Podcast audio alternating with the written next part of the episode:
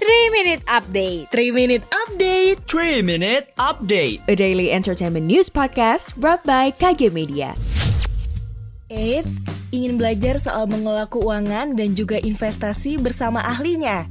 Check out podcast Cuan Cari Untung bareng teman. Persembahan Motion KG Radio Network by KG Media yang tayang setiap hari Rabu hanya di Spotify.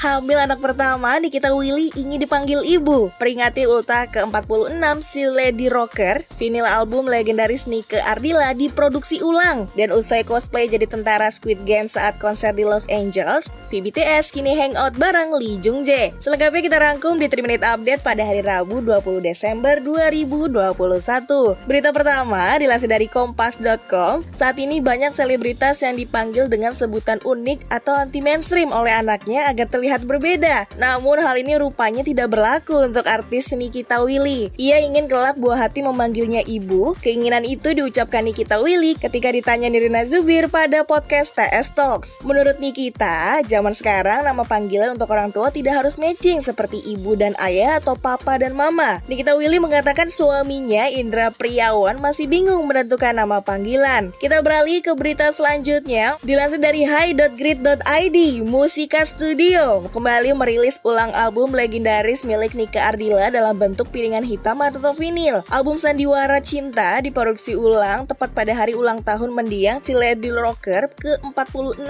pada 27 Desember. Sandiwara Cinta tersebut telah terjual 2 juta keping kaset dan CD pada saat dirilis pada 1995 silam. Setelah kecelakaan tunggal yang menewaskan Nika Ardila, album ini semakin laris hingga 5 juta keping. Jadi nggak heran catatan rekor penjualan terlaris sepanjang masa Sandiwara Cinta memicu Musika Studio untuk memproduksinya kembali dengan format rilisan yang lagi digandrungi kalangan tua maupun muda. Dan yang terakhir, dikutip dari grid.id, VBTS kembali kejutkan penggemar usai kedapatan hangout bareng aktor serial Squid Game Lee Jung Jae. Sebelum hangout dengan Lee Jung Jae, VBTS telah mencuri perhatian fans dengan cosplay menjadi tentara Squid Game saat konser di Los Angeles. Potret kebersamaan VBTS dengan Lee Jung Jae Squid Game ini pun membuat penggemar mengharapkan satu hal. Sebelumnya, saat BTS menggelar tur konser bertajuk Permission to Dance on Stage di Los Angeles beberapa waktu lalu, V sempat cosplay menjadi tentara Squid Game. Demikian 3 Minute Update hari ini. Saya Iko Anata pamit. Jangan lupa dengarkan update terbaru lainnya.